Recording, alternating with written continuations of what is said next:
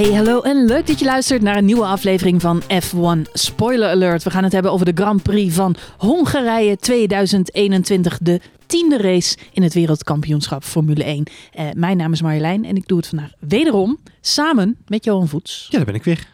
Nog steeds. Wederom. Altijd. Dit was er weer zo eentje, Johan. Eh, ja, dit was er weer zo eentje. Olaf Mol noemde het na afloop een van de meest geweldige Formule 1 races die hij ooit gezien had. Hm. Eh, er zijn volgens mij ook heel veel flashbacks naar ehm Hockenheim 2019. Mhm, Wat mhm. natuurlijk ook eh, een eh, legendarische vreemde regenrace is. waar ik, als ik me goed kan herinneren, we ooit onze allerlangste aflevering aller tijden over hebben gemaakt. Een race die ik s'avonds nog een keer integraal helemaal heb teruggekeken. Zo bijzonder was die wedstrijd. Ja. Wat vinden we van Hongarije? Wat zijn je eerste, Nou- wat waren je gevoelens na de race? Na de race. Ehm, eh, je gefrustreerd in eerste instantie, want je, eh, je baalt van het eh, Nederlandse tintje aan, aan deze race, denk ik. Dat was mijn gevoel vooral. Maar ik was wel gefascineerd. Ik heb heel lang naast te denken en ik weet niet hoe jij hierover denkt, maar we hebben vijf jaar lang geroepen in deze podcast dat we zo baalden af en toe van die dominantie van, van Mercedes. Die is er nu een beetje van af aan het gaan. Hè? Zien we wel een beetje. Ook vandaag weer zien we dat het eh, eh, uit de tenen moet komen bij Mercedes eh, onderaan de streep. En we zien een, een competitie waarin we een heleboel potentiële winnaars de revue hebben zien passeren in, in die race. Want Vettel had hem kunnen pakken, Ocon had hem kunnen pakken. Misschien had Sainz nog een kans gemaakt als er iets geks was gebeurd. Het was geen moment saai. Aan de ene kant is het iets waar we al jarenlang naar, naar uitzien. Zo'n zo'n zo'n echte Formule 1 race waarin alles een dubbeltje op zijn kant kan zijn. En tegelijkertijd heb je dan ook zo'n zo'n dubbel gevoel van... Oh, maar er zat zoveel pech in voor iedereen. Zoveel frustratie. Ik weet niet, ja, ja, ik weet niet hoe jij dat ervaren Ik, hebt. ik ben er nog steeds niet helemaal over uit wat ik, eh, wat ik ervan vind. Ik heb in elk geval niet het gevoel, eh, ja, wat ik nou inderdaad de Hockenheim Nee, dat, had. dat wou ik zeggen inderdaad. Jij had Dat- er een ander gevoel bij, denk ik. Nee, en ook niet Monza, Pierre Gasly vorig jaar, waar ik natuurlijk lyrisch over was. Mhm, wat voor mhm. mij nog steeds een van de gaafste Formule 1 races was. Eh, het valt natuurlijk wel in die categorie. En ik, ik kan me- ja. Ja, ik kan het voor. En ik lees het ook op internet. Heel veel mensen zijn gewoon dol enthousiast over de race. race. Ik, ik heb een beetje hetzelfde wat jij hebt. Heel erg eh, ja, mixed feelings. Er zat van alles in. Ik denk, het heeft ook een klein beetje te maken, moet ik zeggen, met. eh, eh, wij, wij zijn op, op dit moment op vakantie. Dat waren we bij de vorige Grand Prix ook al. Silverstone ging natuurlijk helemaal mis. eh, met Max Verstappen en, en Lewis Hamilton. Ehm, ja, de, de, de woede daarom eh omtrent, die heb ik nog steeds wel een beetje hoog zitten, moet ik zeggen. Maar wat, wat, wat, wat je ook wel merkt op vakantie is... eh, ja, ik, ik mis toch een beetje de, de focus die je thuis hebt. Met Ja. dat, eh, hè, de grote 4K-televisie en eh, volledige aandacht eh, op, die, op die Grand Prix. Je appjes erbij. En, en op vakantie is het een beetje behelpen. Je zit in een appartementje. Je moet het op zo'n zo'n schermpje kijken. Je hebt an- anderstalig commentaar. Vandaag zaten we via streaming via de Formule 1-app eh, te kijken. Omdat het hier in Frankrijk niet eens wordt uitgezonden. Kun je nagaan. Heb je vandaag een Franse winnaar. Frans team. Emmanuel Macron eh, feliciteert de man via Twitter. Eh, heel Frankrijk is lyrisch, maar eh, het werd niet uitgezonden in Frankrijk. Dus dan kijk je via de app, dan is het korrelig, dan is het Engels commentaar, dan is het Hamilton fandom. Dan is, er zijn zoveel kleine ergernissen die de hele ervaring niet optimaal maken. En dan heb ik nog niet eens over de buffermomenten op het moment dat het, dat het allerspannendste moment van de wedstrijd aanbreekt. Ik, ik ben er nog steeds niet over uit. Er zijn, ik, ik moet zeggen, de start, daar moeten we het natuurlijk eh, om te beginnen maar eens over hebben. Ja. Ehm, ik heb altijd direct eh, flashbacks naar, naar andere races. Het eerste wat ik dacht was Spa. Ja. Eh, 96 uit mijn hoofd, zeg ik go- eh, goed, denk ik. Die eh, crash waarbij al die auto's eh eh, eraan gaan. Ja, in één klap. Ja, Ja. Dat, dat, dat gevoel Zo'nzelfde gevoel had je hier ook al inderdaad, ja. Ja, en je ziet, het erge is, je ziet de autootjes als een soort, ja, botsautootjes. Als, Je ziet ze alle kanten op tollen. ja, het is alsof ze geen stuiver waard zijn. Wie komt waar vandaan en, en hoe komt die nou weer daar terecht? En, en het is heel maf. En het, je moet het een paar keer terugkijken, want aanvankelijk leek het er natuurlijk op dat eh Lennon Norris de schuldige was. Nou, dat, dat is al lastig voor te stellen, want tot op heden was dat de coureur die eh, tot nu toe elke race eh, punten pakte. Vandaag helaas verbroken. Ehm, in de herhaling zagen we vrij snel dat eh Valtteri Bottas in dit geval het bowlingballetje was. Ja, letterlijk en figuurlijk. Ja. Nou, er gaan een hoop theorieën rond dat dat dan opzet zou zijn. Dat heb ik me inmiddels door jou mede uit mijn hoofd laten praten. Ehm, dus daar, daar gaan we het niet over hebben, lieve mensen. Maar ehm, vervelend is het wel, om het maar even heel diplomatiek Ja. uit te drukken. Ja, jij zit meer in, in kamp Horner. In de zin van, ik, het- voor de mensen die nu denken dat jij echt dacht dat het inderdaad een opzet, met opzet was. J- Jij zegt eigenlijk hetzelfde. Het is, eh, eh, Nou ja, de het- reden het dat ik komt niet het denk, komt is dat het, het Ja. is eigenlijk te geavanceerd om Ja, klaar joh. te spelen voor Valtteri Bottas. kan helemaal niet. Geef je. Maar dan nog, het, het zag eruit. Veel mensen zeiden het was een soort bowlingballetje, hè, Valtteri de bowlingbaan. ja. Maar het deed mij ook een beetje aan biljart te denken. Weet je wel, Mhm. dat je dan het gele, je moet het gele balletje raken om het rode bal en dan gaat het oranje balletje erin. Jij, jij, zag, jij zag een soort Formule 1 snoeker. Ja, Ja. het was voor mij. Ja, ja, dat ja. was het. Maar goed, en ik. dan, als dat zo was, dan is het bijna alsof Toto Wolf de, de boven hing en dan perfect Nee, Bottas eh, die we- kant op lanceerde en daarmee vandaag, eh, twee Red Bulls raakte. Dus ik, eh, inderdaad, snoeker is de goede vergelijking. we zagen vandaag geen domino Twee voor de prijs van één, Nee, Johan. geen, geen domino D-Day met Formule 1 auto's. en arme Lando Norris was collateral damage. Het is wel, en om het er dan toch heel kort over te hebben en het daarbij te laten, maar het is wel, we moeten dat pad af met z'n allen. Want het, is, het gaat nu ook, hè, de afgelopen weekend ging het weer heel veel over eh, eh, eh, Engeland, waar wij het ook uitgebreid over hebben gehad in onze vorige podcast. Dat kwam dit weekend ook uitgebreid terug tot frustratie van zowel Max Verstappen als Lewis Hamilton. Ehm, na de kwalificatie was natuurlijk een hoop gedoe over de gamesmanship van, van Mercedes, al dan niet het ophouden van, van Max Verstappen en Sergio Perez. En nu ook weer dit verhaal. Ik heb eh, we hebben een, een leuk en actief Twitter-account, eh, maar ik heb de afgelopen weken daar eh, eigenlijk nauwelijks naar gekeken en, en nauwelijks op, op gereageerd, omdat het was zo zuur met z'n allen en er waren zoveel complottheorieën. En we moeten met z'n allen ook gewoon heel eerlijk zijn en zeggen, joh, luister, op een gegeven moment is het verhaal in, in, op Silverstone is afgesloten, klaar, beetje prima, prima, streep eronder en doorgaan. En het verhaal van vandaag, ik zag toevallig al meer tweets voorbij komen, ook uh, Rashid Finch van eh, eh, ehm, eh, 1 aan tafel, die ook zei van, joh, mensen die echt denken dat Valtteri Bottas in staat is om zo'n actie te poelen, die geven hem echt te veel credit. dat is echt een hogere wiskundige formule die je moet toepassen om zo iets te kunnen doen. En daarnaast het slaat helemaal nergens op, joh. Het was, uh, het was een heel bizar moment. Hij heeft gelukkig wel handen in de lucht gestoken en, uh, en uh, zijn excuses aangeboden. Maar ja, zoals Lando Norris na afloop zei, daar heb ik niet zoveel aan. Nee, en het, het was trouwens Spa 98 bedoelde ik natuurlijk. Ja, tuurlijk, ja. Maar um, ja, Bottas heeft dan inderdaad wel zijn excuus. Maar dat vond ik een beetje laf, want hij werd dan voor de camera werd hij gevraagd van ga je nog excuses aanbieden aan Lando Norris? Waarop hij echt een beetje verdwaasd opkeek. Zo van, oh ja, ja. ja. Uh, ja, ik zal even kijken. Als ik hem straks nog zie, dan ga ik dat doen. Oh, ja. Nou ja, blijkbaar heeft hij dat inmiddels inderdaad gedaan. En ook aan uh, Sergio Perez. Die heeft Ja. hij blijkbaar ook nog wel gezien.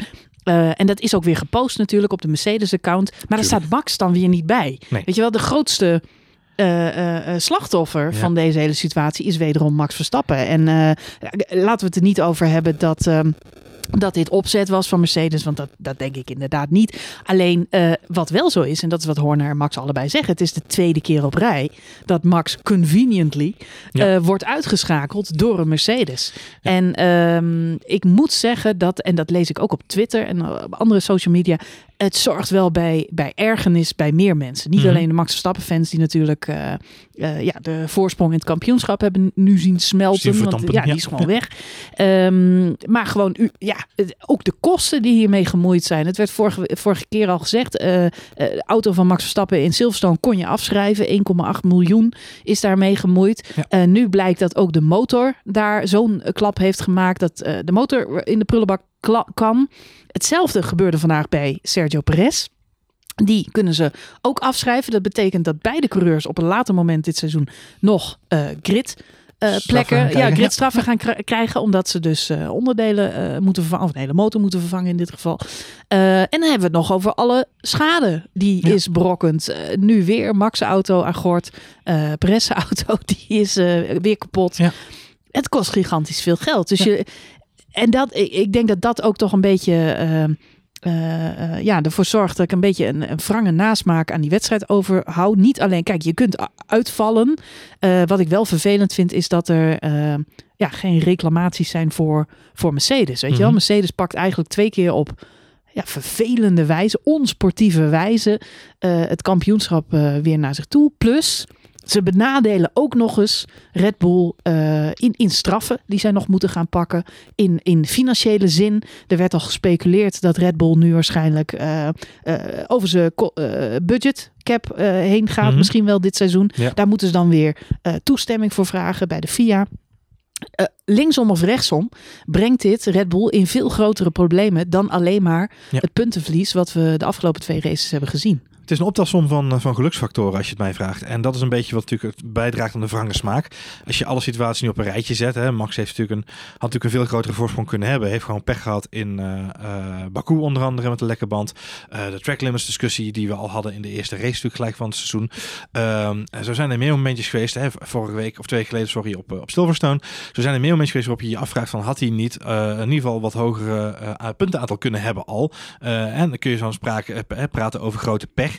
Nou ja, zeker deze afgelopen twee races kunnen we spreken over best wel grote pech. En Baku reken ik daar zeker ook al bij, denk ik. Die lekke band kon natuurlijk ook vrij weinig aan doen. Ehm, en dus dat, is, dat maakt het extra wrang. En dan komt daar zo'n kostcap bovenop, die dan dit seizoen voor het eerst nieuw is. Waardoor eigenlijk alle teams. Kijk, bij, bij Haas zullen ze nu zeggen: ja, uh, hallo, hier lopen wij al vijf jaar lang mee. Hè, we, we hebben altijd al een probleem gehad dat we te weinig geld hadden. Onze budgettering is nooit voldoende geweest om. Nee, maar het komt ook omdat ze Maloot in die auto zetten. Dus dat, dat helpt ook niet mee. Nee, nou ja, goed. eh eh, het maakt me niet zoveel uit of het nou gaat om, om, om Haas of andere teams. Maar andere teams hebben eigenlijk altijd die moeite gehad. Hè. Je, hebt, je hebt drie teams die met enorme budgetten kunnen gooien. Eh, en de rest daaromheen heeft altijd met lagere budgetten moeten werken. Dus aan de ene kant. Moet ik wel zeggen dat die Maloot zijn eigen rekeningen kan betalen. dat geldt bij Williams trouwens ook.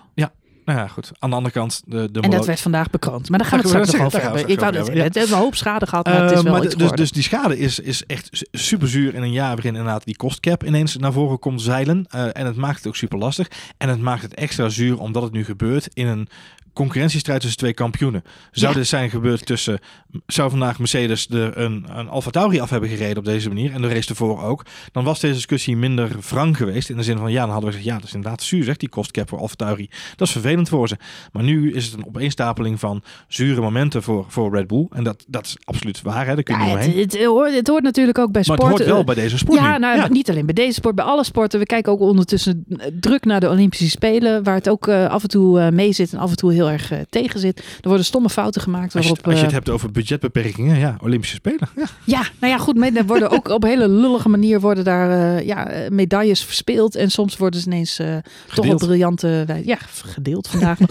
Maar worden ze toch binnengesleept. Dus ehm, ja, het, het, hoort, het hoort er wel bij. Maar ik, ben wel, ik denk dat het bij mij toch een beetje zit in... hebben we eindelijk een spannende titelstrijd? Mhm. En dan zullen de tegenstanders nu zeggen... ja, maar nu is de titelstrijd juist weer spannend. Want ze zitten weer hartstikke dicht bij elkaar. Ja. Dat is ook zo. Maar dan heb ik wel graag dat het op, eh, op sportieve wijze gebeurt. En, eh, en daar had ik zeker in de, in de aftermath van Silverstone heel veel moeite mee. Dat die wrange eh, nasmaak lang is blijven hangen. Wat ook meespeelt deze race. En schrik niet voor de Ocon-fans. We gaan het straks uitgebreid hebben over zijn overwinning. Voor de Ocon-fan.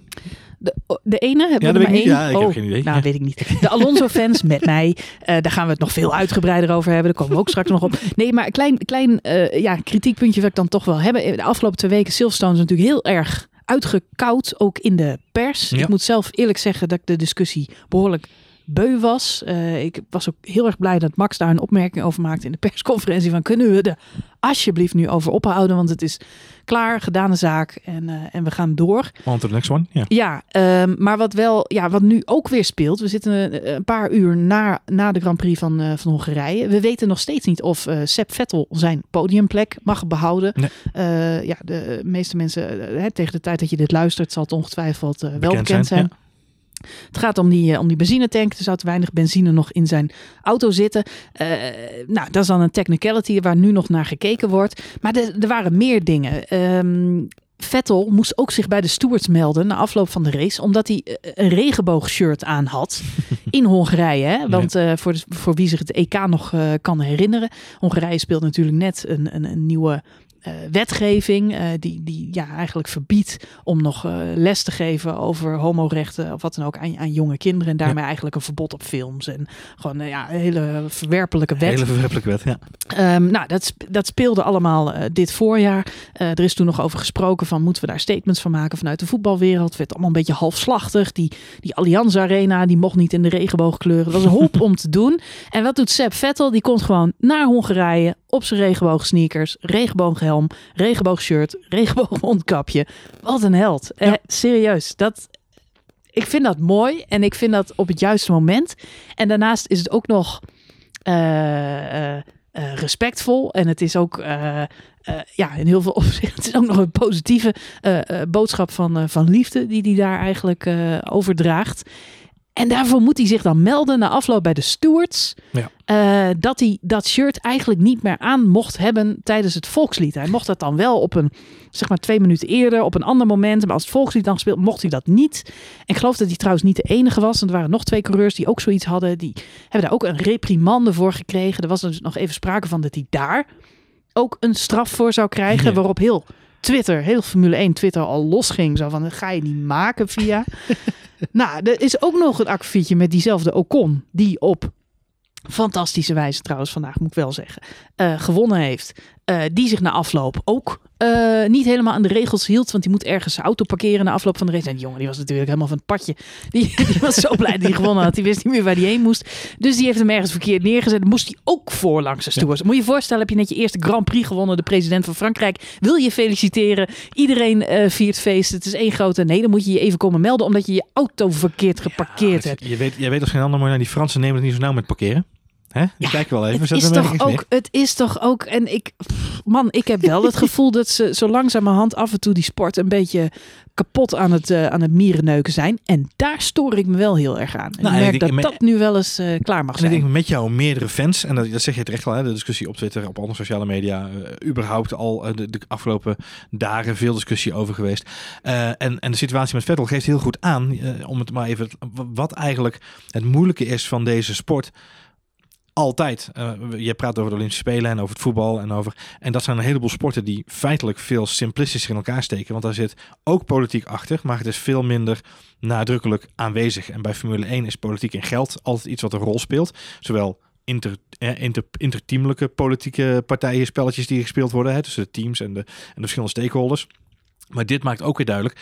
We gaan nog een race krijgen in Saudi-Arabië dit jaar. Dus mind you, er gaat nog een hoop gebeuren in de komende weken en maanden rondom het Formule 1 circus. Die natuurlijk We Race as One en een heleboel quotes aan hun merk hebben geplakt. Met de doelstelling om uit te stralen dat ze eh, heel open en, eh, en, en woke zijn, om het maar zo even met een slechte term te zeggen. ehm, eh, zijn. En, en dat ze willen heel graag dat imago beetpakken en uitstralen als organisatie. En ik denk dat dat heel goed is. En dat het heel sterk kan zijn. Omdat ze een hele brede doelgroep mensen kunnen bereiken. En, vooral ook een, hele brede demografie. In de hogere leeftijdscategorie misschien wel kunnen gaan eh, opvoeden, of opleiden feitelijk. Het, het mooie van dit, van dit hele verhaal met Sepp Vettel maakt duidelijk. De enige reden omdat Sepp Vettel bij die stewards is geweest, naar mijn mening, is omdat ze bij de FIA zich gerealiseerd hebben. We zijn in Hongarije, we zijn te gast. En om onze gastheer niet het gevoel te geven dat we het over onze kant laten gaan, laten we Sepp Vettel naar de stewards komen. Ik denk dat als het was gebeurd in Zandvoort, over eh, 35 dagen, 34 dagen, dan was er geen haan naar. Als het was gebeurd in Oostenrijk, had er geen haan naar. Maar omdat het nu in Hongarije was, zullen ze om de lokale partijen enthousiast te houden en tevreden te houden, zullen ze deze actie hebben gedaan. En ik hoop, fingers crossed, echt oprecht dat dat het is. En dat ze dan inderdaad daarom hebben besloten om het met de reprimande af te doen. Uh, want ik kan me niet voorstellen dat een organisatie die zegt We Race as One, die vorig jaar nog een freaking regenboogvlaggetje op hun logo had staan, het voor ik elkaar zeggen, krijgt. kan niet gewoon zeggen dat hij een oud shirt aan had. Ja, precies. Ik had het shirt van vorig jaar nog Oh, aan, ik jongens. had de memo niet Ja, gelezen. kijk, en dus, er is, ja, kijk, er is een, uh, je zegt memo, er is terecht een memo geweest naar aanleiding van natuurlijk eh, Lewis Hamilton die vorig jaar een aantal uh, t-shirts aan had rondom het Black Lives Matter beweging. dat doet hij volgens mij nog steeds. Volgens mij heeft hij er nog steeds af en toe thematische shirts omtrent aan en ik vind het ook prima. laat die jongens gewoon aandoen wat ze willen als ze dat willen uitstralen. Ehm, maar er is toen wel eens een statement uitgegaan dat ze op bepaalde momenten moeten ze de, dezelfde shirts aan hebben ze een uniformiteit die ze willen uitstralen. Nou, prima. maar weet je, maak er dan niet zo'n show van. En dat is een beetje het probleem van Formule 1 op dit moment. Alles is een show. Elke Ja. straf, elk onderzoek, alles ligt onder de loep. Ja, en uh, we, kunnen, we hebben nieuws. Oh, breaking news. Breaking news, want uh, Sepp Vettel is inderdaad gedisqualificeerd. Shitje, ja. Vanwege uh, overtreding van de brandstoftankregels. Dus hij is zijn podiumplek kwijt. Betekent dat Lewis Hamilton doorschuift naar plek 2. Dat betekent dat hij helemaal uitgeschakeld is in de, in de top 10. Jongen, en dat jongen, iedereen een uh, plekje doorschuift. Dat is goed nieuws voor Team Williams. Ja. Ehm, want die pakte nog een paar punten bij. Uh, Door het oog van de naald overigens, want die waren uh, uiteindelijk ook onderdeel van deze hele... Die zijn ook onderzocht, maar dat was al, ja. al wel duidelijk voordat we gingen opnemen. Zij hebben geen, uh, alle andere teams hebben voldaan aan het brandstofreglement. Ja. maar Seb Vettel dus niet. Jesus. Ja, ja maar dit is, een, ja, dit is, dit is natuurlijk heel bizar om... Fucking mazzel weer, man, voor die Hamilton. Ja, ja. Ja, dat zou kunnen ook bekijken inderdaad. Ja, of wat een enorme vette pech voor Sebastian Vettel. Het is een technische, een technische regel. En uh, na aanloop van, van deze disqualificatie zag je al een hele hoop journalisten ook uh, en, en mensen rondom de sport al zeggen: dit is een, eigenlijk een technische regel. Het heeft niks te maken met racen. Dit is natuurlijk heel erg zwart-wit. Als we de, de benzine er niet uit kunnen halen en hij zit er niet in, ja, dan heb je een probleem. En dat is natuurlijk het feit ge ge geweest. Um, wat me opvalt is dat de, uh, Otmar Safnauer nog in aanloop naar deze disqualificatie liet weten via uh, een interview met uh, Motorsport Magazine liet hij weten dat hij zeker wist dat er nog minimaal anderhalf liter in die auto zat. Dus ik weet niet of ze hem wel goed op zijn kop hebben gehouden. Misschien moeten ze hem nog een beetje naar achter tilten die auto. Ik weet het niet. Ja, het, uh, nee, dat hebben ze geprobeerd. Ze hebben, ze hebben alles geprobeerd. Ze hebben die auto op zijn kop gehouden, maar het kwam er niet uit. Dat is nu uiteindelijk het statement. Ik, ik zie wel dat Red Bull Racing meteen een statement uh, heeft geplaatst. P9 voor Max. Dat betekent natuurlijk ook dat hij twee punten pakt. Ja. Die zouden aan het eind van het seizoen dan waardevol kunnen zijn. Ik weet niet of ze goed kunnen rekenen op de social media afdeling van Red Bull Racing. Maar het betekent ook dat uh, Lewis Hamilton x aantal punten meer pakt. Ja. Ik ben altijd even kwijt. Het verschil tussen gaat 2 en naar 3. 18. Ja. Ja, dus dat uh, op de lange termijn levert hem dat niet heel veel profijt op. Dat betekent Nee. namelijk dat Hamilton nog verder uitloopt. Ja. Terwijl Max maar één schamelpuntje erbij sprokkelt. Ja. Ja, dat is de mazzel. Als je het hebt over eh, de opeenstapeling van wrange eh, momenten, dan is dit er wel weer eentje van, denk ik, in het nadeel van, eh, van Red Bull. Waar we het net al even over hadden. Eh, soms zit je gewoon in de plek eh, waar even de klappen vallen qua... Max noemde het zelf namelijk in de interviews, noemde hij het freak accidents. Hè? Dus het ongeluk vandaag, van, van vandaag met, met Lando Norris ook, noemde hij zelf een freak accident of een freak moment in de sport. Het hoort erbij, maar het, het zijn die hele maffe momenten. En Ehm, eigenlijk moet je, eh, het liefst ben je daar geen onderdeel van, van die momenten. En Max was daar nu dus weer wel het onderdeel van. En, en dit geld valt er eigenlijk ook onder. Hè? Je, bent net, je zit net aan de verkeerde kant van zo'n eh, van zo'n van zo'n rare disqualificatie. Blijf het bizar Sad. vinden. Heel Ja. sad. Heel sad. sneu voor Seppi, want die had een fantastische race vandaag. Nou ja, ja en eh, ja, fantastische race. Eh, deed natuurlijk mee om die, eh, om die eerste plek. Ja. Ik probeer op dit moment heel hard mijn teleurstelling te camoufleren, maar dat lukt volgens mij niet zo heel erg goed. Ja, ik, man, ja, het is een technische fout en, en daar ga je op nat. Als je auto niet voldoet aan de reglementen, dan word je altijd gedisqualificeerd. Ehm, helaas is dat dan niet op te lossen met een grid penalty. Nee. hè, we- maar het is wel, het maakt, ja, god, we hebben het hele seizoen al discussie over wat maakt zo'n sport nou eerlijk. En eh, eh, Bottas krijgt wel een eh, penalty voor de volgende race. Mhm. Vijf plekken moet hij naar achteren. Er zijn ook een hoop mensen die zeggen, nou ja, en Lewis Hamilton krijgt 10 seconden in Silverstone. Ja. Dat staat toch ook in geen verhouding. Nee. Overigens, Bottas ook twee punten op zijn license er wel bij gekregen. Ja. Maar daar kopen mensen allemaal niks voor. Je zei net ook al, Lennon Norris, dijk van een seizoen, staat gewoon derde in het kampioenschap. Dit zijn hele kostbare punten die hij hier verliest. Eh, ja, Bottas loopt ook niet op hem in, want die pakt zelf uiteindelijk, eh, Ook niks, uiteindelijk nee. ook niks mee. Nee.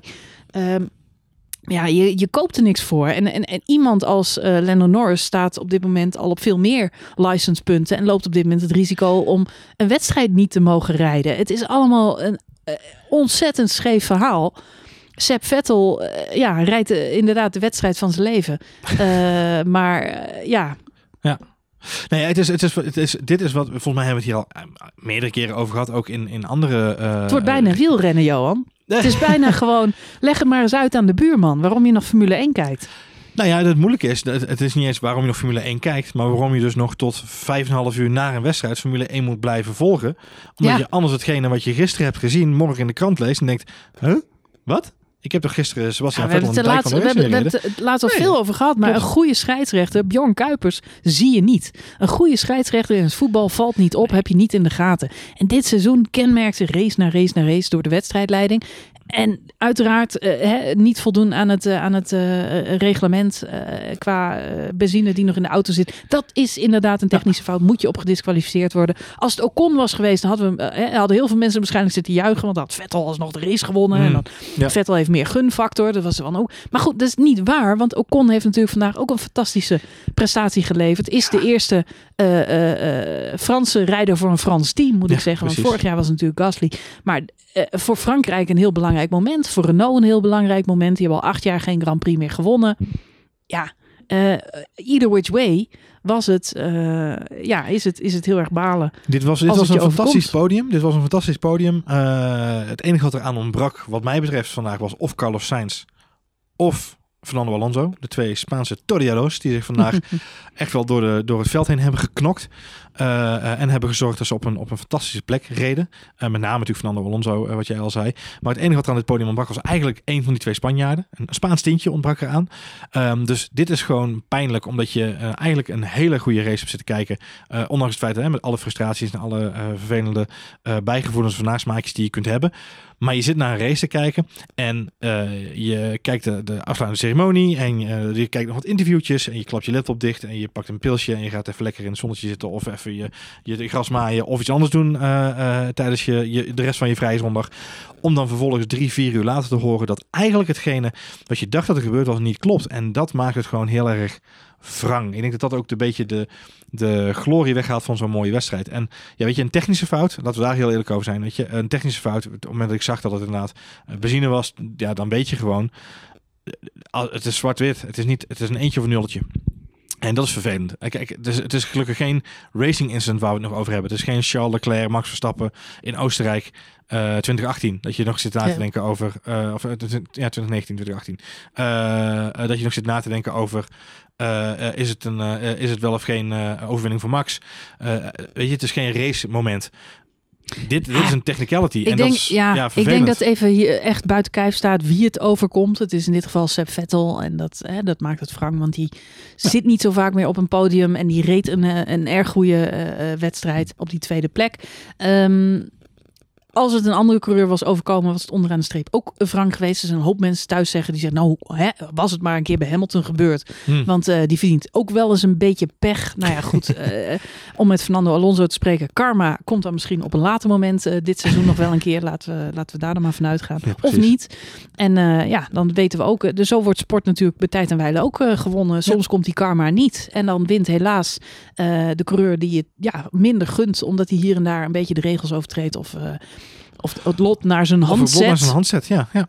Ja, goed. En dat, eh, dat, dat weten we dan nog niet. Maar het, het, het kan iedereen overkomen wat wel eh, schrijnend is. En dat, en dat valt gewoon echt moeilijk uit te leggen. Dat is dat een coureur die een andere coureur van de baan rijdt. En een mega klap laat maken. En een auto van 1,8 miljoen laat afschrijven. Mhm. ehm, minder straf krijgt. Veel minder straf dan een coureur die 700 milliliter te weinig benzine in zijn auto heeft zitten. Ja. Zodat er geen brandstofcheck meer kan worden gedaan Ja. na de wedstrijd. Nou ja, dit, dit is inderdaad het meest bizarre van, eh, van hoe oneerlijk soms sport kan zijn. Hoe, hoe oneerlijk soms regels kunnen zijn.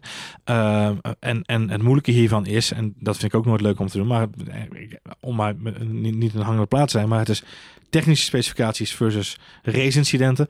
Eh, dat zijn eigenlijk twee verschillende kampen. En dat maakt het zo verschrikkelijk wrang. Eh, er is eigenlijk geen stok tussen te krijgen wat ze besloten hebben. Eh, want dit is de keuze die ze hebben. Het is of wel of niet. Als het er niet in zit, dan moeten ze hem, dan moeten ze hem geven. En eh, eh, het is, geen, het is geen, geen gradatie zit daarin. En dat maakt het zo zuur. Eh, dat is natuurlijk anders bij race-incidenten. Het race-incident aan zich waar we het over hebben vandaag, of de incidenten waar we het vandaag over hebben, want we hebben het nog niet gehad over Lance Stroll, die ook zijn eigen vorm van bowling of petank, om maar even in de Franse termen te blijven, uitvoerde. Ehm, die, die, weet je, die straffen zijn ook fors. Ehm, eh, maar ja, de, aan de andere kant kun je je afvragen, is het fors genoeg? Of is het, is het te fors? Ik, vind dat een hele moeilijke discussie. Twee, race, twee strafpunten op een licentie is net zoveel als wat Lando Norris kreeg nadat hij een kleine tik had met, met Sergio Perez in Oostenrijk. Ja. Dus het incidentje buitenom inhalen in, in Oostenrijk, voor de mensen die zich kunnen herinneren, tussen Sergio Perez en Lando Norris, waar eh Lando Norris ook strafpunten voor kreeg. Dat waren ook twee strafpunten op zijn licentie. En Ja, voor datzelfde... Terwijl, Bottas datzelfde- hier drie coureurs elimineert. Exact. En, Ja. en eigenlijk een ongeluk veroorzaakt waarbij er in totaal vijf auto's, die situatie die er nou dit, ontstaat, had, dit had zeker vier strafpunten mogen daar vallen zijn. vijf auto's uit. Dus dat is natuurlijk heel bizar. Dus, Misschien eh, wel goed om nog even dan naar die, naar die hekstart te gaan. Ja, nee, absoluut. Eh, overigens eh, even het rondje afmaken. Oh, ja, maar ja, ja. eh Seb Vettel die raakt dus zijn 18 punten kwijt. Ja. Op, die, op die tweede plek. Die 18 punten gaan dus nu naar Lewis Hamilton. Lewis Hamilton. Dat betekent dat hij drie punten meer krijgt dan hij had. Maar. Max die stijgt ook een plekje. Dus die krijgt één puntje erbij. Dus het verschil wordt dan twee punten meer dan dat het was. Dus het verschil was zes punten. En Wordt het verschil is nu acht. punten.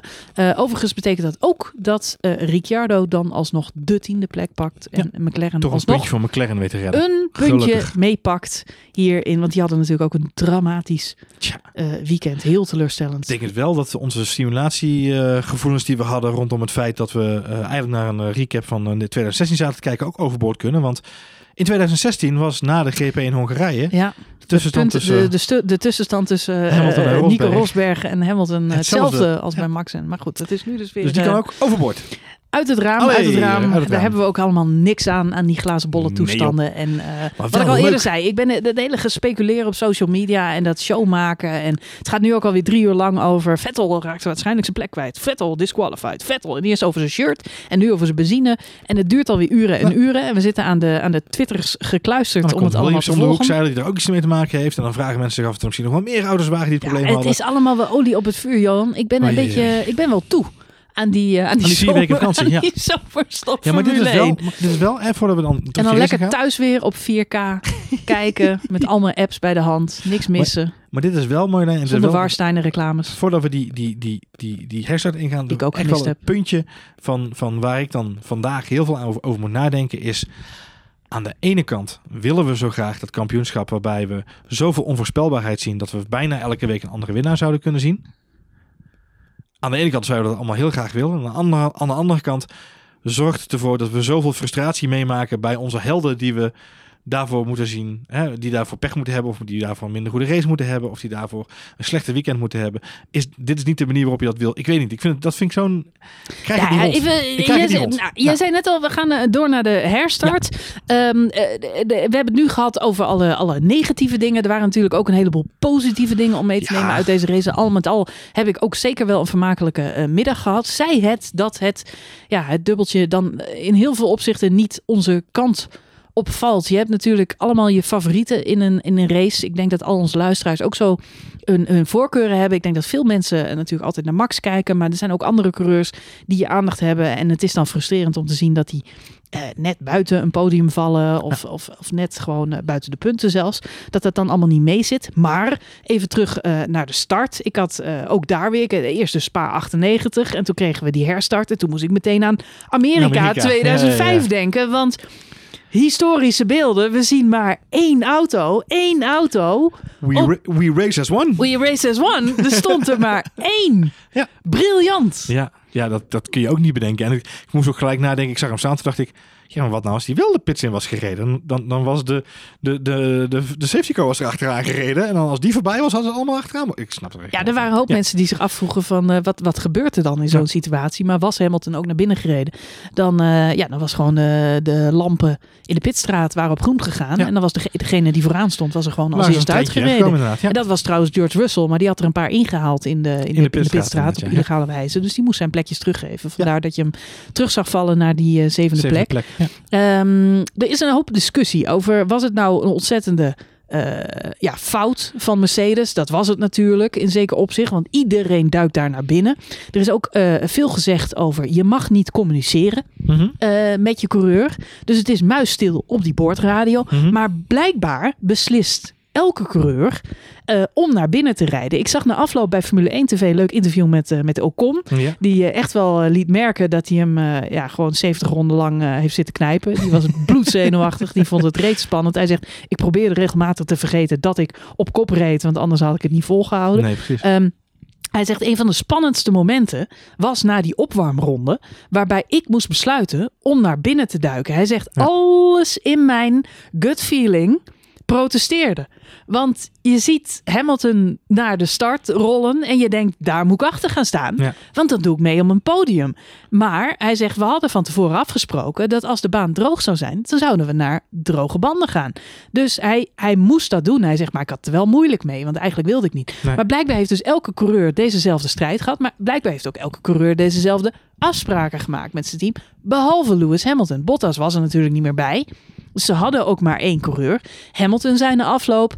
eh, ja, bij Mercedes dachten ze dat er nog meer regen zou komen. En Ja. dat was eigenlijk de, de reden waarop wij onderling hadden afgesproken: blijf sowieso buiten. Ja. Want er komt nog een buitje aan. Nou, blijkbaar klopte die informatie niet. Maar alle andere coureurs zijn dus wel naar binnen gedoken. En zo kwam het dat Hamilton daar in zijn eentje stond. Ik heb een aluhoedje theorie. Wat is de aluhoedje Klein theorie? aluhoedje. Nou, ik weet niet of Nou. hij echt heel erg aluhoedje is. Eh, maar hij kan ook heel logisch zijn namelijk. Mercedes staat vooraan in de pitstraat. Dat klopt. Dus zodra Lewis Hamilton op kop in de warm-up lap de pitstraat in was gereden, had hij daar nooit weg mogen rijden voordat alle auto's gepasseerd waren. Want hij mag niet zomaar naar buiten Ja, en dat worden. is dus nu ook de theorie die, eh, ja, die, die rondgaat. Dat eh, hoe, hoe dan ook, weet je, iedereen zegt nu het is een grote fout van Mercedes dat ze daar als eerste stonden. Ik denk, als Mercedes wel naar binnen was gegaan, dat ze gewoon eh, zwaar de sjaak waren geweest. Omdat ze inderdaad helemaal vooraan in die pits. Betekent dat ze ergens ook achteraan in het veld hadden moeten aansluiten. Ja. Dan kun je ook zeggen, ja, maar al met al was ergens in het midden. Of er zijn natuurlijk veel teams die nog een dubbele pitstop alsnog moesten maken. Omdat Ja. ze nog wel twee coureurs Mhm. in de strijd hadden. Maar ergens in het midden was nog altijd beter geweest dan stijf achteraan. Ja. Want hij reed natuurlijk naar zijn... Hij ging meteen naar binnen, ronde 1. En daarna eh, reed hij helemaal achteraan. Ja. Wat ik overigens niet had verwacht. We wisten het natuurlijk wel uit de historie. Dat eh, Ho- Hongarije gewoon een verschrikkelijke, eh, verschrikkelijke baan is om, om in te halen. Dat het zo moeilijk zou zijn, had ik dan ook weer niet verwacht. Nee. Zelfs Lewis Hamilton had, het, had het moeilijk met Mick Schumacher. Wanneer zie je dat nou gebeuren? Ja, nou die maakt zijn auto ook wel mooi breed overigens, maar dat is een ander verhaal. Ja. Nee, het is, het, is, het is een van de, van de moeilijkste banen om in te halen inderdaad. En ook met heel weinig plekken. Fe- Feitelijk heb je één of twee, maar misschien drie plekjes waar je het echt kunt doen. Eigenlijk met DRS, bocht 1 en, eh, en, bocht 3. Dat zijn de plekken waar je het zou, zou willen proberen. Eh, en daar zagen we dan ook vandaag veruit de meeste inhaalacties onderaan de streep. Eh, het is, het is, ik, ik denk nog steeds dat Mercedes ehm, de keuze heeft gemaakt om te laten gaan. Tweeledig. Ik denk dat het een, een, een afweging is geweest. Eén is, hoe droog is de baan? Dat weten we niet. We weten, we, hè, misschien is dat vermoeden er heus wel geweest. Dat ze nog dachten van er komt nog regen aan. Ik denk dat het feit dat ze helemaal vooraan de pitstraat zitten ook heeft meegewogen in dat oordeel. En ze wel degelijk hebben gedacht van oké, als we hem nu naar binnen halen, dan staat hij echt ergens halverwege. Misschien hebben we mazzel en eh, is de baan niet zo droog. En dan kunnen we één of twee rondjes extra rijden. Waardoor we in ieder geval een beetje buffer kunnen opbouwen. Want hij had natuurlijk nu het geluk dat hij procentueel gezien meer tijd kon opbouwen. Hè, door dat rondje wel vol gas te kunnen geven. eh, terwijl de rest uit de pitstraat kwam tjoekeren. Dus ik denk onderaan de streep dat die, dat, dat de afwegingskwesties hebben moeten maken. Ehm, maar ja, het, het is wel een hele maffe strategische call. En het, Nou, het, levert, het levert historische beelden op. Ja. Nou, een historisch beeld, maar om heel eerlijk te zijn, Toto Wolf die deed natuurlijk na afloop een beetje alsof het allemaal eh, toppie joppie was. Want ze Hij hadden toch een beetje. Ja, ze hadden gemaximaliseerd en hij kreeg nog een vraag over Ocon, wat natuurlijk ook een van zijn protégés eh, jarenlang was. En Ja. daar was hij dan ook wel redelijk blij mee. En Williams, ja, dat was dan ook allemaal wel goed, maar je kon zien aan Toto Wolff dat hij toch vet niet happy was. En ik moet heel eerlijk zeggen dat je als Mercedes toch wel behoorlijk verschut staat als je daar in je eentje op de grid staat. Mhm, mhm. Eh, nou goed, en dan hebben we Hamilton natuurlijk wel een aardige race zien rijden daarna. Hij heeft in elk geval eh, eh, ja, niks laten liggen om, om toch ver voorop te komen.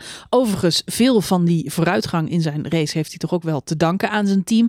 Want de twee-stop-strategie, dat bleek voor hem een tamelijk briljante. Eerst met de undercut, daar pakt hij gewoon makkelijk eh, drie coureurs mee. Onder andere Max, maar Ja. natuurlijk ook eh, Ricciardo. eh, Ricciardo en later nog ja. Gasly. Eigenlijk undercut hij daar een aantal coureurs die die op later moment op die manier niet meer tegenkomt op de baan. Zit uiteindelijk redelijk ver voorin, maakt dan nog een late stop. Interessant is trouwens dat ze bij Renault dat hele spelletje al aardig door hadden.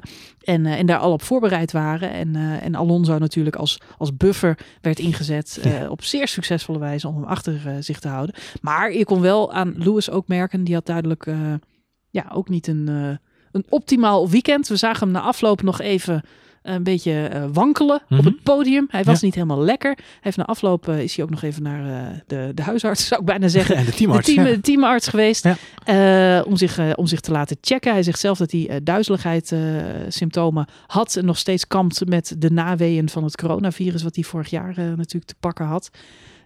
Ja, kan allemaal zijn. Ik denk dat het trouwens ook een fysieke uitputtingsslag was. Er waren veel coureurs die ja, Ja, hijgend, over de finish kwamen. Maar je hoorde, je hoorde helemaal ook de boordradio. En dat viel mij vandaag wel op. Je hoorde Zwaar de boordradio hijgen. ook zwaar hijgen, inderdaad.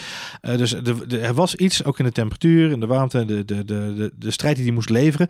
Je merkte aan dat het hard werken was. Wat eh, fijn is, is dat hij eh, inderdaad het, wel het team heeft wat hem inderdaad vijf, zes plekken kan opleveren met pitstopstrategie en andere eh slimmigheden die ze natuurlijk toepassen vanuit de pitwall. Daarnaast heeft hij zelf natuurlijk gewoon een hele goede clean race gereden. En heeft hij eigenlijk, en dat is het grappige van deze situatie, ik, ik zal nog even mijn notities erbij te pakken. Eh, want ergens in ronde 37, 38 krijgt ehm, Vettel al te horen van Aston Martin dat Hamilton waarschijnlijk bij de ronde 60 op de staart van Vettel zal zitten. Eh, zoals het nu uitziet, hij heeft, eh, volgens mij maakt hij rond die tijd ergens zijn stop voor zijn tweede, hè, zijn, tweede, zijn tweede stopje. En eh, Aston Martin is er dan als het kippen bij om Vettel te vertellen: joh, Vettel, je moet even doortrappen nu. Want eh, Hamilton heeft nieuwe banden gehaald. Die is uh, razendsnel. En zoals het er zich nu naar uitziet, is die in ronde 60 al bij jou op de start. Dan heb je nog 10 ronden te gaan om hem van je af te houden. Dat is vrij pittig. Uh, en dat is eigenlijk de berekening. Hè, jij zegt ook al terecht, Alpine had hem ook al. Uh, dat was een beetje de calculatie die iedereen had. Dat, dat hij eigenlijk een herhaling zou uitvoeren van Hongarije 2019. Namelijk ronde, het ronde 48, zijn tweede stop natuurlijk. Uh, ronde 48 naar binnen. En vervolgens naar de overwinning toe rijden. Toen natuurlijk een Max Verstappen, hè, die lange mm, tijd aan kop ja. reed. Nu had hij eigenlijk vrij gemakkelijk richting Ocon kunnen rijden. Waren het niet voor ene Fernando, Alonso. Alonso. Afgelopen vrijdag werd hij 40 jaar. Ja.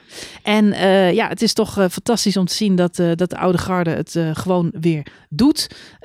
en ook op briljante wijze, moet ik wel zeggen. de hele autosportjournaal was lyrisch, lyrisch over het gevecht. Wat vandaag op de baan geleverd werd door Fernando Alonso. En ik moet ook eerlijk zeggen dat mijn hoogtepunt van deze race was. Ik heb staan juichen, staan schreeuwen sta, ja, echt uh, staan springen. Ja. Om uh, hoe Fernando Alonso daar aan het rijden was. En hoe moeilijk hij het helemaal te maakte. Het was ja, fantastisch racegevecht. Het is een prachtig gevecht. Het is ook, uh, je weet gewoon, Alonso Hamilton, daar zit iets tussen. Hè? Dat gaat er nooit meer uit. Die, die twee hè, hebben natuurlijk regelmatig elkaar aan de stok gehad. Uh, ja, er is veel respect tussen beide heren. Maar er zit ook een heleboel oud zeer tussen mm. beide mannen. Um, en je merkt gewoon op mensen bij elkaar zijn.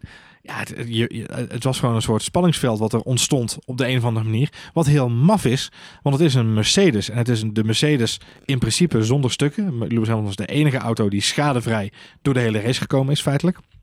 Um, Lewis Hamilton had eigenlijk alle wind mee, om zo maar even te zeggen. Nieuwe bandjes, alles erop en eraan. Dus er was eigenlijk niet zo gek veel aan de hand voor Lewis Hamilton.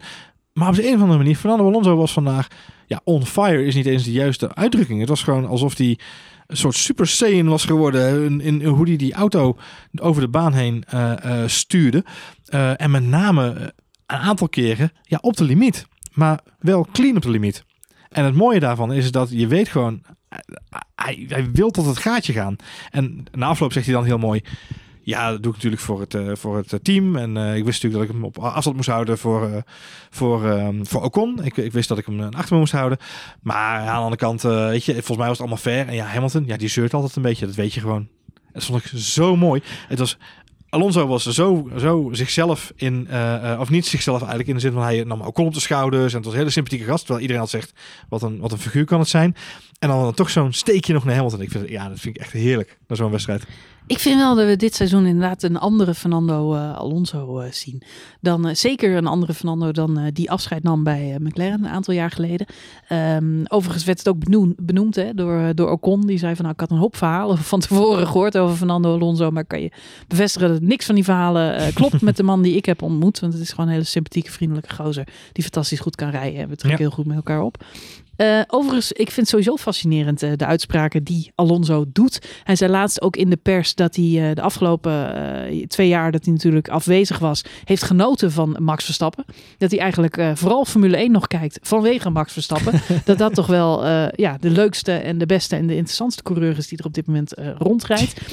In het interview na afloop zei hij inderdaad ook: Ik wist wat mijn taak was en dat was Um, uh, koste wat kost Lewis Hamilton achter me houden. Dat lukte maar liefst acht ronden op rij. Dat is knap, want Lewis Hamilton was bijna twee seconden per ronde sneller. Nou, dan moet je echt voor goede huizen komen. Wil je die Mercedes achter je houden? Zelfs op de Hungaroring zullen veel mensen zeggen... Die, nou, Lewis Hamilton die, uh, die had het sowieso moeilijk met inhalen. Ja, maar Hè, begrijp me niet verkeerd, op deze nieuwere bandjes was hij zo, zo, zo, zo, zo veel sneller dan alle vierde mannen voor hem. Dus uh, het is ontzettend knap. En uh, laten we niet vergeten dat uh, Ocon zijn overwinning vandaag echt aan die Fernando Alonso te danken heeft. Het is inderdaad jammer dat Alonso niet bij hem op het podium stond. Uh, want dit was echt een teamoverwinning. Dit ja. was uh, niet alleen Ocon. Dit, voor, voor, een heel groot deel was deze overwinning te danken aan Fernando Alonso. Ja. En die, uh, ja, die begreep precies hoe dat, hoe dat spelletje werkte.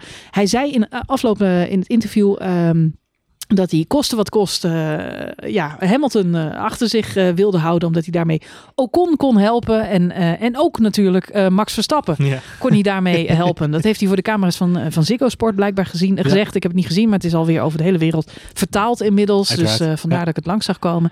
En, en dat is dan toch weer interessant. In Engeland pikten ze dat op als zijnde Alonso mengt zich toch in de strijd om het kampioenschap. Van zou hij toch willen dat het tot op het einde uh, spannend blijft. Ik heb zelf uh, al een weekje of twee een beetje een gevoeletje dat ik denk... Eh, is Fernando Alonso niet heel opzichtig aan het hengelen naar die plek van Sergio Perez binnen het team van Red Bull? Tja. Want mijn god, je zou toch maar Fernando Alonso naast Max Verstappen hebben rijden? Dan wordt het echt interessant bij Red Bull Racing. Ja, ja. Nou, het is, het is grappig dat je dat zegt. Want ik kan me ook herinneren dat we hele uh, uh, samen hele discussie hebben gehad over het feit dat het uh, ook niet de juiste chemie zou kunnen zijn. Het grappige is, deze Fernando Alonso, zoals hij nu is, zoals hij vandaag zich manifesteerde, zoals hij eigenlijk dit hele seizoen zich al opstelt, die kun je er prima bij hebben. De vraag is alleen, komt diezelfde Fernando Alonso ook bij Red Bull naar boven als het gaat om de podiumplekken? Weet je, dat bij Alpine ja. rijdt hij nu in een team in opbouw.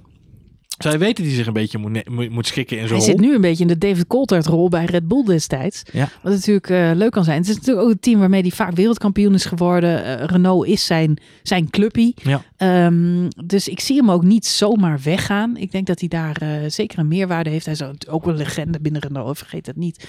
Dus, dus de rol die hij daar nu vervult is hartstikke mooi. Datzelfde zie je trouwens vandaag weer bij, bij Kimi Räikkönen, die natuurlijk nog steeds uh, echt een lid is van die Ferrari-familie. Want ja. Kimi had zijn hele gezin weer uh, meegenomen naar Hongarije. En dan achter de schermen zie je hem ook weer met allerlei uh, Ferrari-monteurs. En de, de, hele familie gaat ermee op de foto. Dus blijkbaar zijn die banden nog steeds warm. Je hebt echt wel ja, coureurs die een bepaald team een heel warm hart toedragen. Vandaar dat ik het ook heel erg goed begrijp dat, dat Max nu gewoon lekker bij Red Bull wil blijven. Ja. Het is gewoon veel meer zijn clubje. En ik denk dat dat goed is. Uh, ik vind het zelf alleen, ik vind het best opvallend. Ik, ik denk oprecht wel dat een aantal coureurs uh, bewondering hebben voor Max Verstappen. En ook zoiets hebben van, nou, die coureur die mag het wel een keer worden. Maar vergeet ook niet, Red Bull is gewoon uh, na, na, de Mercedes de meest interessante auto op de grid. Daar ja. wil je gewoon in rijden. en ik heb zelf heel erg het gevoel dat Vettel uh, hengelt eigenlijk naar een plekje om daar ooit nog eens terug te keren. Dat heeft hij natuurlijk vorig jaar vrij opzichtig gedaan. Dat is allemaal niet gelukt. Maar wie weet zit het nog steeds in de kaarten. Hij houdt in elk geval de banden heel erg warm. Uh, dan hebben we Perez, die natuurlijk heel erg graag wil blijven. Ik heb ook met veel interesse weer op social media alle posts zitten bekijken net uh, van het team effort en uh, will come back stronger. En we ja. zien Christian Horner met een arm op de schouder van Max Verstappen. En een arm op de schouder van Checo Perez en teamwork. Dus Perez schijnt zich ook heel erg thuis te voelen bij Red Bull zit daar natuurlijk pas net. Ja. Nou, dan hebben we nog Albon, die tegenwoordig als een soort crashtest dummy wordt ingezet om, uh, om de ongelukken van, uh, van Hamilton en Verstappen uh, na te bootsen. Dat wordt deze week trouwens wel een hele ingewikkelde als hij Valtteri Bottas moet gaan imiteren op de baan. Of hoe ze dat precies gaan Kun, doen. Kunnen ze de RB8 afschrijven? Maar Zou ja, een zijn. Albon, ja, we hebben, misschien is deze uitzending al te lang om het nog uitgebreid over silly season te hebben. Maar er zijn een hoop contestants voor die, voor die andere plek oh bij, bij Red Bull. Pierre Gasly ook dit weekend weer, die zich prominent laat zien. Mengt Ehm, zich ook in het gevecht met Hamilton. En zeker. weet daar ook ronde na ronde Hamilton achter zich te houden. Eh, Ja. Verliest uiteindelijk die plek door de undercut die Mercedes maakt. Ja. Eh, maar doet daar wel verdienstelijk werk. En laten we niet vergeten, diezelfde Pierre Gasly duikt in de ene laatste ronde nog naar binnen. En pakt eh, knettergoed. Het viel een beetje verloren door de, door de overwinning van Ocon. Maar ik zat er heel erg op te letten. En zag nog net dat paarse balkje Verplaatsen. in beeld eh, verschijnen. Eh, pakt de snelste ronde en pakt daarmee een punt af van eh, Lewis, Hamilton. Ja. En eh, zo zie je maar weer dat Alfa Tauri wel degelijk gewoon een, eh, een Red Bull team is. Want daar wordt nog keurig even een puntje weggesnoept. Perez Ja. was natuurlijk niet meer in de wedstrijd, dus die konden ze daar niet voor gebruiken. Maar toen- ik denk dat er gewoon even een belletje naar Alfa Tauri is gegaan. Nou, ik denk dat Pierre hem zelf ook wel heel graag wilde hebben. Want die Dat had ook een dijk van ik weekend. ook. Die had een Dus- hartstikke goed weekend en kon natuurlijk een vrije stop maken. Maar het was ook een heel belangrijk punt om, om weg te pikken bij Mercedes. Dus Nou wat dat betreft ze zullen bij Red de, Bull niet ontevreden zijn geweest Nee, ze hebben de schade toch nog redelijk beperkt weten te houden. En laten we ook niet vergeten dat Gasly een veel beter weekend had in de kwalificatie. Ja. Dan, eh, nou ja, veel moet ik niet zeggen, maar ook wel heel erg gewaagd was aan Perez. Ja. Die natuurlijk in een veel betere auto zat. De Gasly liet zich weer zien dit weekend. die klopt heel duidelijk op een deur. Eh, eh, welke deur dat is, weet ik niet zo goed. Omdat hij elke keer wel heel keurig... Kijk, je ziet aan Gasly heel goed terug nu dat hij eh, balanceert op twee benen. Hij heeft heel goed gesprek gehad met, met, met Red Bull. En hij realiseert zich, ik kan aan de deur blijven kloppen bij Red Bull. Maar tegelijkertijd moet ik niet mijn ramen ingooien bij AlphaTauri. Renault heeft voor Ocon gekozen op voor de lange termijn, of Alpine moeten we dan tegenwoordig zeggen. Eh, hebben voor de lange termijn voor Ocon gekozen. Dus een Frans team, een Franse coureur, dat is gezet. Dus ik moet kijken wat ik hier kan bereiken. En bij AlphaTauri hebben ze gezegd, we willen heel graag een serieus team worden. We willen niet het zusterteam zijn of het juniorenteam zijn van Red Bull, maar een serieus team. Dus mijn theorie is nog steeds op dit moment, Yuki deed het dit weekend wisselvallig, had vandaag gelukkig een goede race. Dus mag daar niet over klagen, maar heeft natuurlijk de mazzel van de pech van anderen. Mhm, Eh, maar reed wel daarna een stabiele race. mhm, Haalt gewoon goede, stabiele punten binnen. Echter is heel erg wisselvallig dit seizoen. mhm. Dus het zou mij niet verbazen als Alfa Tauri die wens echt waar, waar wil gaan maken. Dat ze volgend jaar kiezen voor een setup met Gasly en Albon. En dat Albon terugkomt eh, naast eh, Pierre Gasly. En Pierre Gasly echt al als eerste coureur bij Alfa Tauri. eh, wat hij nu eigenlijk feitelijk ook al is. Maar dat ze bij Alfa Tauri wel echt serieuzere stap willen maken. En ik denk dat Albon daar dan een prima rol kan spelen. omdat hij net een iets meer ervaren en wat stabielere coureur is dan Tsunoda misschien. Nou, er zijn nog een paar andere interessante opties. Want na dit weekend laat ik natuurlijk ook discussie weer op. Wat gaan ze bij Mercedes doen? Ehm Valtteri Bottas kun je zeggen enerzijds... eh, een pannenkoek. En, en George Russell is het talent van de toekomst. Maar ik moet zeggen dat ik daar tijdens de kwalificatie toch nog eens heel diep en lang over na heb zitten denken. En concludeerde waarom zouden ze in godesnaam Valtteri Bottas aan de kant zetten. Die rijdt gewoon een prachtige kwalificatie. eh, tweede plek na Lewis Hamilton. Had Max natuurlijk in de laatste stint wat pech met de situatie. Lewis Hamilton die hem daar ophield. Waar we het verder ook maar niet te lang over zullen hebben. Ehm, maar Valtteri Bottas pakt daar wel weer keurig die, eh, die, die tweede plek op, op de startgrid. Ja. Eh, doet eh, vandaag eigenlijk ook weer heel nuttig werk. Behalve dat hij een auto afschrijft. en eh, ja, goed. Misschien het niet helemaal op deze manier de bedoeling was. Maar het zijn wel de dingen die je bij eh, George Russell niet zo snel hoeft te verwachten. Wat wel de vraag doet reizen, wat gaat George Russell doen? Ik vroeg me laatst af, zou George Russell bijvoorbeeld ook al in contact zijn met Red Bull? Dat wordt dan wel erg lastig, want de manager van George Russell is ene Toto Wolf. Hm. Dus hoe ze dat dan precies eh, aan het bekokst over zijn, zie ik ook nog niet helemaal voor me. Maar weet jij veel wat er op dit moment op de achtergrond allemaal speelt? Nou ja, er zijn een hoop coureurs die, eh, die dat plekje bij Red Bull in elk geval eh, wel zien zitten. Ja, nou ja, en, en, vice versa. en vice versa zijn ook mensen die ook wel denken, als Bottas daar weggaat, wat gebeurt er dan met dat stoeltje inderdaad? En is George Russell wel de, de juiste persoon? Je ziet vandaag, eh, wat ik vandaag heel belangrijk vond om te zien aan George Russell, want hè, Williams rijdt vandaag ook een heerlijke race. Eh, en krijgt eigenlijk loon na twee jaar heel hard werken. Met name voor George Russell natuurlijk eh, heel fijn om te zien dat hij na al die jaren eh, energie erin stoppen en eigenlijk het maximale, zeker dit seizoen, uit die auto Hij is trekken. nog jong, hè? hij is nog jong, hè? maar het is wel zijn vierde seizoen. Ja, Precies, en hij weet vandaag wel voor het eerst in die Williams goede punten te pakken. Ja. Eh, en dat, dat zat natuurlijk al een tijdje aan te komen, want hij reed die auto eh, op Silverstone ook gewoon al de, de kwalificatie door. Dus fantastische prestatie van Williams vandaag ook. Het mooie daarvan is dat tijdens de race George Russell op de boordradio komt en zegt: Jongens, het maakt me niet uit wat we moeten doen. Als jullie mijn race moeten opofferen om Latifi hoger te laten eindigen, zorg ervoor dat het gebeurt. Prioritiseer eh Nicky Nicky. zei ze zo mooi. Ehm, en dat gaf mij weer even een. Want we, we hadden deze discussie natuurlijk na de kwalificatie. En toen zei ik ook al: ja, George Russell, als je die naast Hamilton zet, George Russell wil ook elke race winnen. Dus dan krijg je twee kapiteins op één schip feitelijk. Mhm. Dan zie je vandaag ineens toch dat Joseph Sol het wel in zich heeft om op de juiste momenten te zeggen: Oké, prioriteit naar de andere gast. Dus ja, dat, dat zet me dan wel weer aan het denken. Als hij dat zou kunnen opbrengen bij Mercedes. Zeker in zijn eerste jaar. Kijk, tweede en derde jaar zal het lastiger worden. Want dan zal hij ook gewoon voor de punten willen gaan strijden. En voor de kampioenschappen willen gaan vechten. Maar als hij zeker in dat eerste jaar naast Lewis Hamilton zich in een schikkerende rol kan zetten. Dan, en, en, en passant daar heel, bij, heel veel bij kan leren van Lewis Hamilton. eh, dan zou dat een hele goede optie zijn. Maar als hij daar naartoe gaat met het idee: ik wil wereldkampioen worden bij Mercedes in mijn debuutjaar. Dan zal Toto Wolff zeggen: Nou, geef mij dan maar die Finn die gewoon keurig opzij gaat als ik aan hem vraag.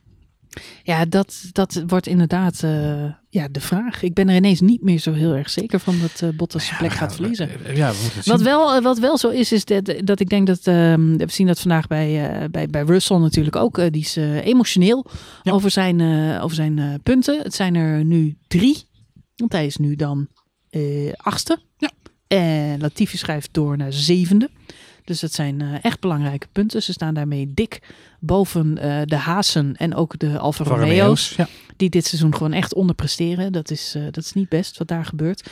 Ehm, dus op zich eh, hartstikke goed. En ik begrijp natuurlijk zijn emotie heel erg. Ja. Eh, tranen in zijn ogen. Ik moest wel, eh Damon Hill, we hadden het de vorige podcast ook al over. Een beetje nukkig oud mannetje af en toe. Maar maakte net wel de opmerking op, op, op Twitter ook weer.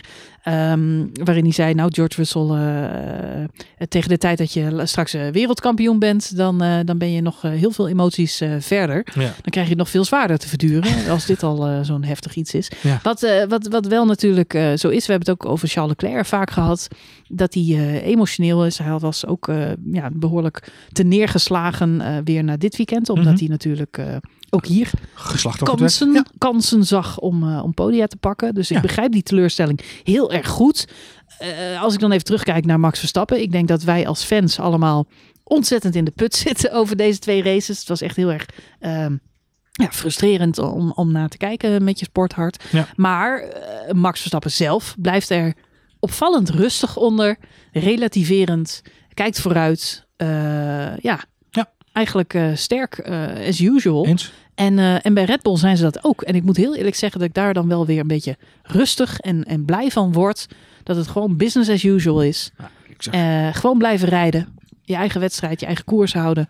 En eh, ja, mogen de beste winnen. Dat is nog steeds het uitgangspunt. Ik zag een eh, prima foto voorbij komen na afloop van de race eh, uit het vierkantje. Het welbekende vierkantje of zeshoekje waar dan alle coureurs voorbij komen. Waar Max Verstappen schouder aan schouder stond met Daniel Ricciardo.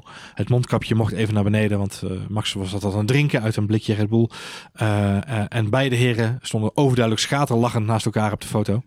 Ehm, de, de Maxial content, zoals dat zo mooi heet. Ja, die doet goed. Max Verstappen zit sterker in zijn vel dan ooit. Eh, eh, hij is, zal, zal Ja, misschien ik vind hem mentaal sterk. Ik vind zal misschien knap. wat door elkaar geschud zijn door de 51G die hij te verduren heeft gekregen op Silverstone. Ik denk wel dat dit. eh, kijk, de vooraan van deze race, zei ik nog toevallig ook tegen jou. Ik denk dat het moment daar is dat Verstappen en Hamilton eigenlijk een mentaliteitswisseling moeten doorgaan. Want daar waar Max eigenlijk altijd de aggressor was, hè, de aanvaller in een, in een situatie, heeft hij nu de ruimte om eigenlijk de slimmere te zijn van de twee. En de, de sprint-marathon discussie zou nu eigenlijk omgedraaid moeten zijn voor Max Verstappen. En Lewis Hamilton anderzijds, die zit in de hoek waar de klappen vallen. En die zou nu veel agressiever moeten rijden en dingen moeten proberen. En risico's moeten nemen om dingen te doen. En je ziet vandaag weer dat als Lewis Hamilton weet dat er achter hem, dat er om hem heen geen gevaar zit. Dan rijdt hij stabiel en soeverein en zuiver. En eigenlijk zonder enige problemen rijdt hij zo van plek 14 naar plek 2. in dit geval nu. In de Mm. hè, plek 3. dat kan niet met die auto. Zo goed is hij nou eenmaal gewoon. Dus je moet Lewis Hamilton eigenlijk constant onder druk hebben om hem te kunnen pushen in fouten. Of hij moet onder druk staan omdat je voorsprong op hem hebt in het kampioenschap. Nou, dat laatste, dat is nu niet meer het geval. Hè. Max moet nu weer in de aanval. Maar ik hoop eigenlijk, er komt België aan. Nou, België is natuurlijk een, een beetje een wisselvallig circuit van Max. Zandvoort komt eraan. Ik verwacht dat daar eh, eh, veel oranje boost eh, Max goed zal doen.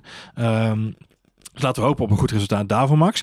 En dan komt daarna komt natuurlijk Monza. eh, wat natuurlijk een fantastisch circuit is. Waar hij eh, eh, hopelijk ook een keer een goede prestatie kan neerzetten. Italië is natuurlijk niet het land waar Max de beste prestatie kan, kan pakken altijd. Dus laten we hopen, die drie races, dat hij daarin kan maximaliseren. En zorgen dat hij het kampioenschap kan terugpakken. En vanaf dat moment, ja eigenlijk... de druk, de druk eh, niet zozeer vanuit Max hoeft Wat- te komen, ja. maar vanuit het klassement. Wat nu vooral interessant gaat worden, dat is hoe Red Bull de, en Mercedes de zomerstop uitkomen. Officieel is het natuurlijk, natuurlijk nu vakantie. Onofficieel wordt er gewoon heel hard eh, doorgewerkt aan die auto's. Je kunt wel zien dat ze bij Mercedes toch tamelijk eh, in de wiek geschoten zijn over alles wat er de afgelopen weken gebeurd is. En ook daarvoor, daar heeft iemand in elk geval met zijn vuist op tafel- tafel geslagen en gezegd, dit kan zo niet langer. Ehm, en dan kom ik weer terug bij mijn, bij mijn oude puntje. Eh, Max wringt hem er vaak tussen Mhm. En ook voor, maar moet dat nog steeds altijd in zijn eentje doen. Eh Perez zit daar veel te weinig eh, bij. We hebben dit seizoen nog steeds geen 1-2 van Red Bull meegemaakt. Terwijl eh, ja, Mercedes toch keer op keer met z'n tweeën daar aan de, aan de start staat. Ja. Het doet bij mij toch wel een beetje vermoeden dat Mercedes op dit moment nog steeds de betere auto heeft. Ja, Ehm, en Max alles, alles, alles eruit weet te persen om, ja, om, om toch even, heel even die, die leiding in het kampioenschap eh, gehad te hebben. Ik denk Ja. dat we een beetje terug moeten naar de realiteit. En de realiteit is gewoon dat we ja, echt eh, Ja. ja. nog, Nou, de- de- er nog lang niet zijn. Nee, maar ze zijn wel kwetsbaar. Ze zijn kwetsbaar. Ze zijn gewond. Hè? Of het nou en een, nu moeten we een, doorbijten. scham, een schamschot is of een, of een, een voltreffer maakt niet. Maar ze zijn gewond. Je hebt ze geraakt. Gekrenkt. Alleen, het is nu wel zorg inderdaad, precies wat jij zegt, dat Perez kan aansluiten. Want er zijn inderdaad geen Red Bull 1-2's geweest. Er zijn wel Mercedes 1-2's geweest. Maar het belangrijkste is, er zijn ook een heleboel Mercedes 2-3's geweest weer dit seizoen. En Ja. dat is eigenlijk de plek waar we nu, eh, met Red Bull, eh, in dit geval zeggende, eh, een beetje de controle verliezen. Dus laten we hopen, fingers crossed, eh, dat ze uit die zomerstop komen en met dezelfde concentratie voort blijven werken. En zorgen dat ze die, die voorsprong terugpakken en, en dan in alle rust door blijven bouwen. Eens, eens. Goed. Dat, dat, dat hoop ik. Nou, we gaan, we gaan in ieder geval qua looptijd van de podcast nog niet over de tijd van, eh van Hockenheim heen. Oh, dus, gelukkig. Dus dat, gaat eh, goed. Het kan nog langer. Nou, het Ik hoeft hoop, niet langer. ik hoop toch wel dat we dit seizoen nog niet de meest, eh, eh, hoe noem je dat, spraakmakende Grand Prix achter de rug hebben en dat dit hem dan was. Ik denk dat we nog een heleboel gaan volgen. Ik hoop, ik hoop dat we nog zo'n Er surprise komen, nog zoveel, er komen nog zoveel dingen aan. En ik las Nog even voor die ene fan van Ocon die Ja. zit te luisteren. Ach ja, want niet het was natuurlijk wel een mooie overwinning. Nou, en leuk dat we nu 111 verschillende winnaars hebben gehad in de Formule 1. En Dat is een heel aantal. dat is een hele aantal. Eh, Hongarije is een plek waar veel coureurs hun eerste overwinning gepakt hebben in de geschiedenis. Dus dat is leuk. Ja. Ook grappig dat het nu ook vandaag ook weer het geval is. Ehm, en Ocon, weet je, ehm, een hele hoop mensen zeggen eigenlijk, eh, Lewis Hamilton zei het, Alonso zei het ook al, Vettel zei het ook al. Eh, het is wel een jongen die eigenlijk al jarenlang heel hard werkt in de sport. En aan de deur stond te kloppen van een podiumplek. Vorig jaar was hij ook een aantal keren dichtbij. Het feit dat hij hem nu pakt in deze omstandigheden is te gek. Eh, maar hij is ook eerlijk en wijs genoeg om zich te realiseren dat hij natuurlijk een, een freak overwinning pakt, om het zo maar te zeggen. Maar je moet het wel even doen. Nou, en dat hebben ze ook wel gezegd bij, eh, bij Renault na afloop. Dat eh, ze hebben mazzel. Ja. Aan de andere kant staat daar tegenover dat ze ook heel veel pech hebben gehad. En op het moment dat, eh, dat anderen pech hebben, ja, dan, Ja. dan hoop je dat jij ook een keer de mazzel, De mazzel hebt. Dat hebt. een keer jouw kant op valt. En dan moet je nog vandaag. steeds, zoals hij gedaan heeft deze, de- de- deze zondag, foutloos rijden. En dat, weet je, daar is niks op af te dingen. Nee, want eh, ondanks dat Vettel hem eigenlijk eh, de hele race binnen een seconde heeft gehouden. Af en toe was het even twee seconden, maar hij zat heel eigenlijk non-stop in DRS. bijna eens in DRS, ja. Ehm, er is geen fout gemaakt door Was- Ocon. was een situatie waarbij ze bocht 1 inkwamen en Rijkonen reed daar nog. En eh, zowel Ocon als Vettel hadden daar, daar dan een beetje profijt van. In de zin van, Ocon kon natuurlijk een beetje slipstream pakken daar. Alleen Vettel die pakte daar veel meer slipstream met zijn DRS erbij. En die trok ineens aan de binnenkant en die zat echt nou, bijna naast Ocon in bocht 1. Toen dacht ik, ja, nou, dit is hem dan. Dit is dan het moment waarop hij er voorbij komt. Helaas, het gaat hem toch niet lukken. Maar op de een of andere manier weet hij dan toch een betere exit te pakken. Het zijn de momenten waarop je laat zien als coureur dat je er geconcentreerd, dat je erbij bent, dat je geconcentreerd bent en dat je het in je hebt om een wedstrijd te kunnen controleren. Nou, dat is gewoon heel knap. Het feit dat hij dat laat zien vandaag, nog meer dan Pierre Gasly eh, in Monza, vind ik dit gewoon eh, eh, een strakke overwinning. Ja, eens. En moet je voorstellen dat hij de race wel gewonnen had. Seb Vettel. Ja, dat we nu gewoon een, een, een racewinnaar hadden geëlimineerd. En dat Ocon dus nu alsnog had gewonnen. dat niet had geweest. kunnen vieren. Ja, Uh, nou goed, Nee, goed. dat is dan gelukkig Aan eh, alle kanten is het een bizarre situatie. Aan de andere kant, Carlos Sainz alsnog op het podium. Dus dat Ik denk dat Carlos Sainz, eh, dat is de, zo, de tweede keer dat Carlos Sainz een, een podiumplek erft. Ja. Die hij dan niet gevierd, gevierd heeft. heeft. Nou, misschien is hij nog even teruggelopen net. Ja, ik denk niet dat hij er heel erg om maalt. Nee. Ik denk dat hij blij is. Het levert hem extra punten op. Dat betekent ook, uit mijn hoofd zeg ik nu even. Want Carlos Sainz en Charles Leclerc waren tegelijk gekomen in, de, in het kampioenschap. Stonden allebei op 80 punten. Ja. Gaan best goed voor Ferraris. Maar eh, nu betekent het dat... Hij eh, flink uitloopt. eh, nou, niet flink, maar Sainz wel boven eh, eh, Charles Leclerc terecht komt Ja. in die puntentelling. Ja. Dus dat is eh, knap. Ja, dat is toch niet verkeerd voor hem. Dat eh, had Charles Leclerc niet verwacht aan het begin van het seizoen. Nee, en wij allemaal stiekem wel een beetje dat het zo'n strijd zou gaan worden tussen die Dus, twee. eh, Nou, goed gedaan. Eh, we gaan naar de zomerstop. Het is eh, even stil. Jij eh, noemde net het programma voor, voor eind van de zomer al op. Ja. We gaan natuurlijk naar, naar Zandvoort toe. Maar voordat het zover is, nog eerst naar, naar Spa. Een triple header gewoon. Ja, waar trouwens nog een heel vreselijk ongeluk gebeurde afgelopen weekend in de Ja. 24 uur van, van Spa. Gelukkig is dat goed afgelopen. Jack Aitken vanuit het ziekenhuis ja. liet weten dat hij helemaal over de moon was natuurlijk met het resultaat van Williams. Hij zegt, zelfs de zusters hebben hier staan meejuichen voor jullie. Dus eh, wat dat betreft eh, zit, eh, zit Jack er goed, goed bij, gelukkig. Ja, nou, hij was Dus, wel. het- het- ik, ik, ik was wel. Hij had wel meerdere botbreuken en ook in zijn ruggengraat. Zag ik. Ja, hij is nog niet zomaar weer terug. klap was dat Ja, wel, ja, inderdaad. ja. Het is wel bizar om dan mee te maken dat zo'n jongen dan wel gewoon twittert. Dus heb ik dan wel, je ligt compleet van het padje af, maar wel inderdaad, dat geeft aan hoe, hoe warm de banden bij Williams dan onderaan de streep alsnog zijn. Ja, het is natuurlijk ook een topprestatie. En de, let wel, ze hebben zoveel, zoveel tegenslag Zeker. en pech Zeker. gehad. En eindelijk, en het is eigenlijk dan bijna jammer dat het eh, ondersneeuwt. Eh, er is ook een Twitter-account.